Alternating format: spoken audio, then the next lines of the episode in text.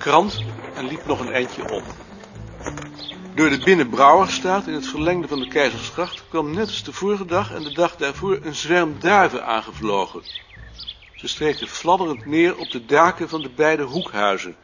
Eén duif vloog nog snel over naar het andere dak. De andere duif vloog op toen hij neerstreek en meteen ging de hele zwerm weer de lucht in, vloog de straat uit, zwenkte omhoog, verdween achter de daken, kwam weer terug door de straat en streek opnieuw op de beide hoekhuizen neer.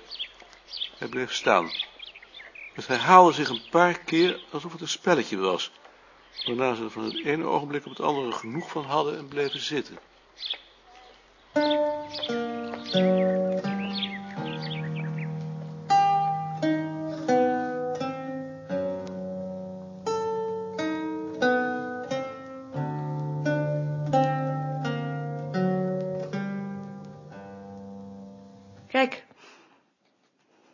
Die tomaatjes zag ik liggen. Die namen we mee voor Frans. Toen hij al zo ziek was. Weet je nog? Ja. Toen hij in dat kamertje zat. Ik moest er meteen aan denken toen ik ze zag. Ik werd er zo triest van. Dat Frans er niet meer is. Dat moet...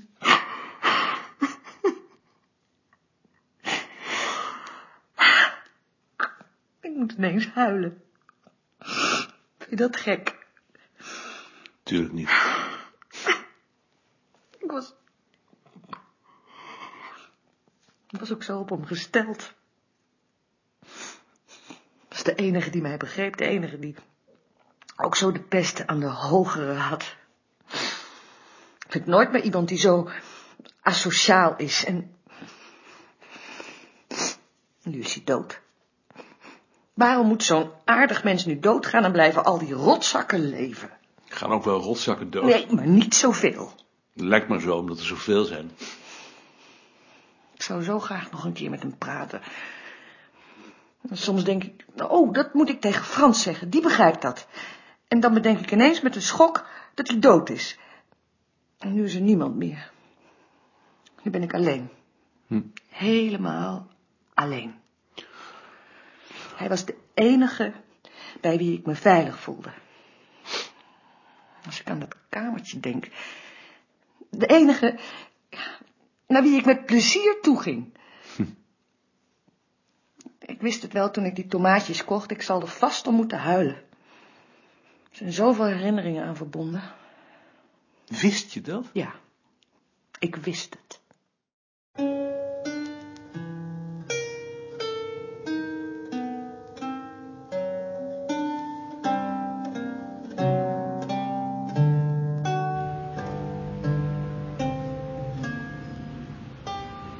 Hij kwam het postkantoor uit en stak de Raadhuisstraat over naar het urinoir op de hoek van het Singel. Op de stoep aan de andere kant van de rijweg stond een vrouw. Ze keek op een kaartje. Zij sloeg haar door de gaatjes van het urinoir gade. Ze keek omhoog naar het straatnaambordje en weer op het kaartje. Buitenlandse die de weg kwijt was.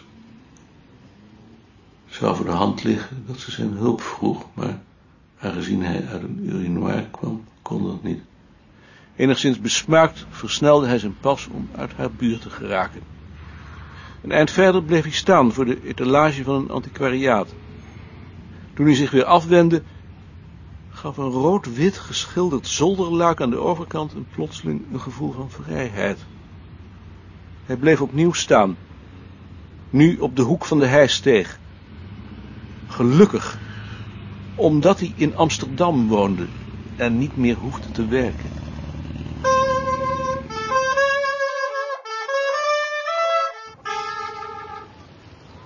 Het was plotseling herfst, regen, wind. Toen hij het eind van de middag de krant ging halen, waren de lampen in de winkels aan. Vanuit de natte schemer keek hij naar de mensen die daar binnen op hun beurt wachten. De straten waren nat. Op de gracht lagen bladeren. In een verveloos pakhuis, waarvan de luiken gesloten waren, schreeuwde iemand... Wie ben jij? Wat gaat daar weg? Wie ben jij? Hij aarzelde, zich afvragend of hij misschien te hulp moest komen. Draaide zich half om, maar bedacht zich en liep door.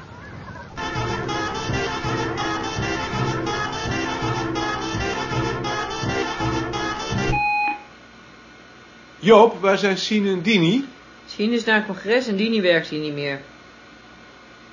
Werkt hier niet meer? Hoe zit dat dan? Dat moet je maar aan Ad vragen hoor, daar bemoei ik me niet mee. Ad, wat is er met Dini? Dini werkt hier niet meer. Waarom dan niet? Ze kon een gunstige afvloeingsregeling krijgen en dat deed ze liever. Wat is dat dan voor regeling? Voor de mensen die op het Sociaal Historisch Instituut gewerkt hebben. En vond ze dat leuker? Ja, dat zei ze tenminste. Ze was wel erg langzaam.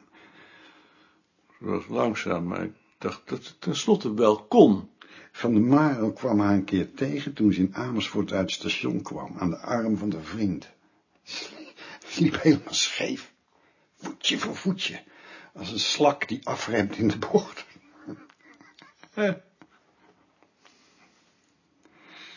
Hebben jullie nog afscheid van haar genomen? Vorige week.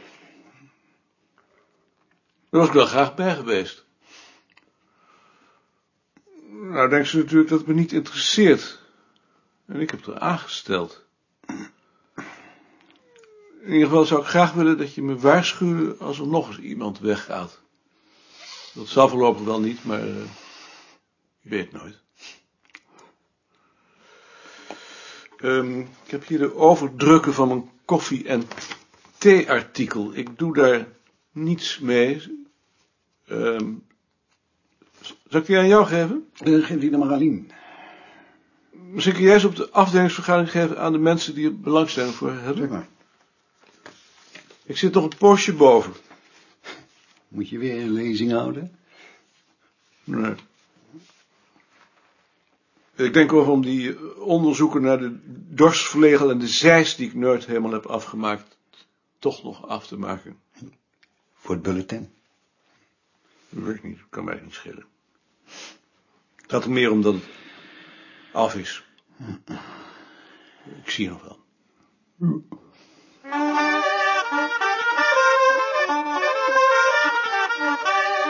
Ontevreden over dit gesprek klom hij de trap op en ging de zolderkamer binnen. Hij zette het raam op een kier, legde zijn tas opgerold op het uitschuifblad en hing zijn jasje aan de zijkant van het bureau. Een ogenblik bleef hij nadenkend staan. Toen trok hij een lade open en haalde er een dossier uit.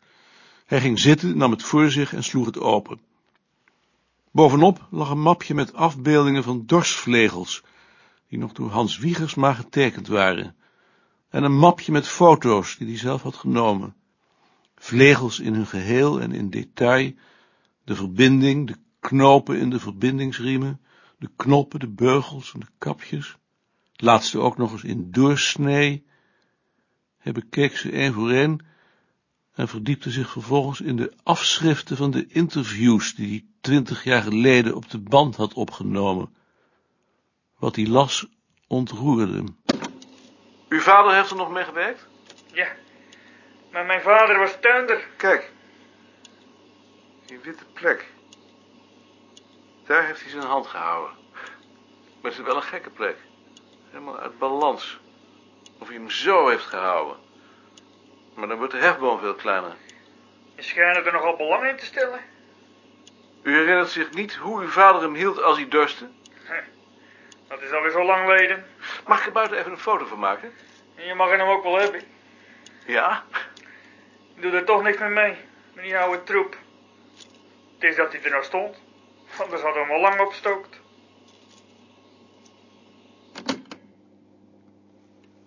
Hij zag de gezichten van de boeren die daarin aan het woord waren, sommige vaag, andere scherp.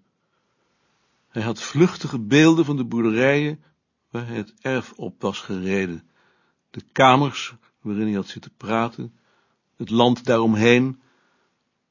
Het was af en toe alsof hij het gereedschap nog in zijn handen voelde. De in het gebruik glad geworden stelen, de kleine, soms heel kleine eigenaardigheden die het gebruik door steeds dezelfde man en met de tijd had ingesleten. Sommige van die herinneringen waren zo indringend, dat hij af en toe zijn lectuur onderbrak in een poging ze vast te houden. Langzaam drong het besef tot hem door dat hij toen zonder dat te weten, gelukkig was geweest. En dat het gevoel dat daarbij hoorde nu pas kwam, nu die bevrijd was van de sociale contacten. Was misschien niet bevredigend, maar het was zo typerend voor hem, dat hij er vrede mee had. En terugleunend in zijn stoel, luisterend naar de regen buiten, verscholen op een plek waar hij niet gezocht werd, had hij opnieuw een tot voor kort ongekend gevoel van geborgenheid.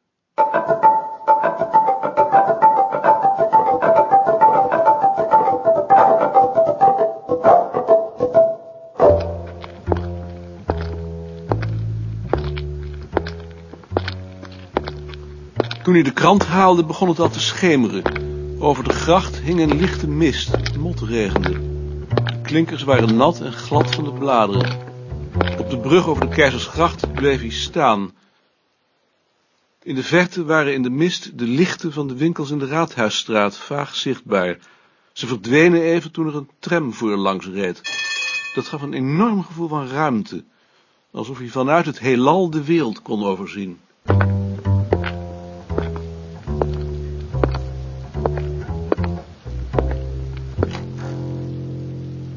Hij zette de vuilniszak op de stoep en keek omhoog naar de lucht. Het regende. Aarzelend liep hij de Herenstraat in. Aarzelde opnieuw bij de Prinsengracht, maar liep toen door de Prinsengracht af tot de Utrechtse straat. Alleen, lopend in de regen, voelde hij zich gelukkig. Het leven kreeg weer zin. Hij liep langs de Amstel naar het gemeentearchief en maakte, omdat het nog te vroeg was, een rondje langs de Amstelkade, door de Van Wouwstraat en door de Rustenburgerstraat. Vijf voor tien. De tentoonstelling was nog dicht.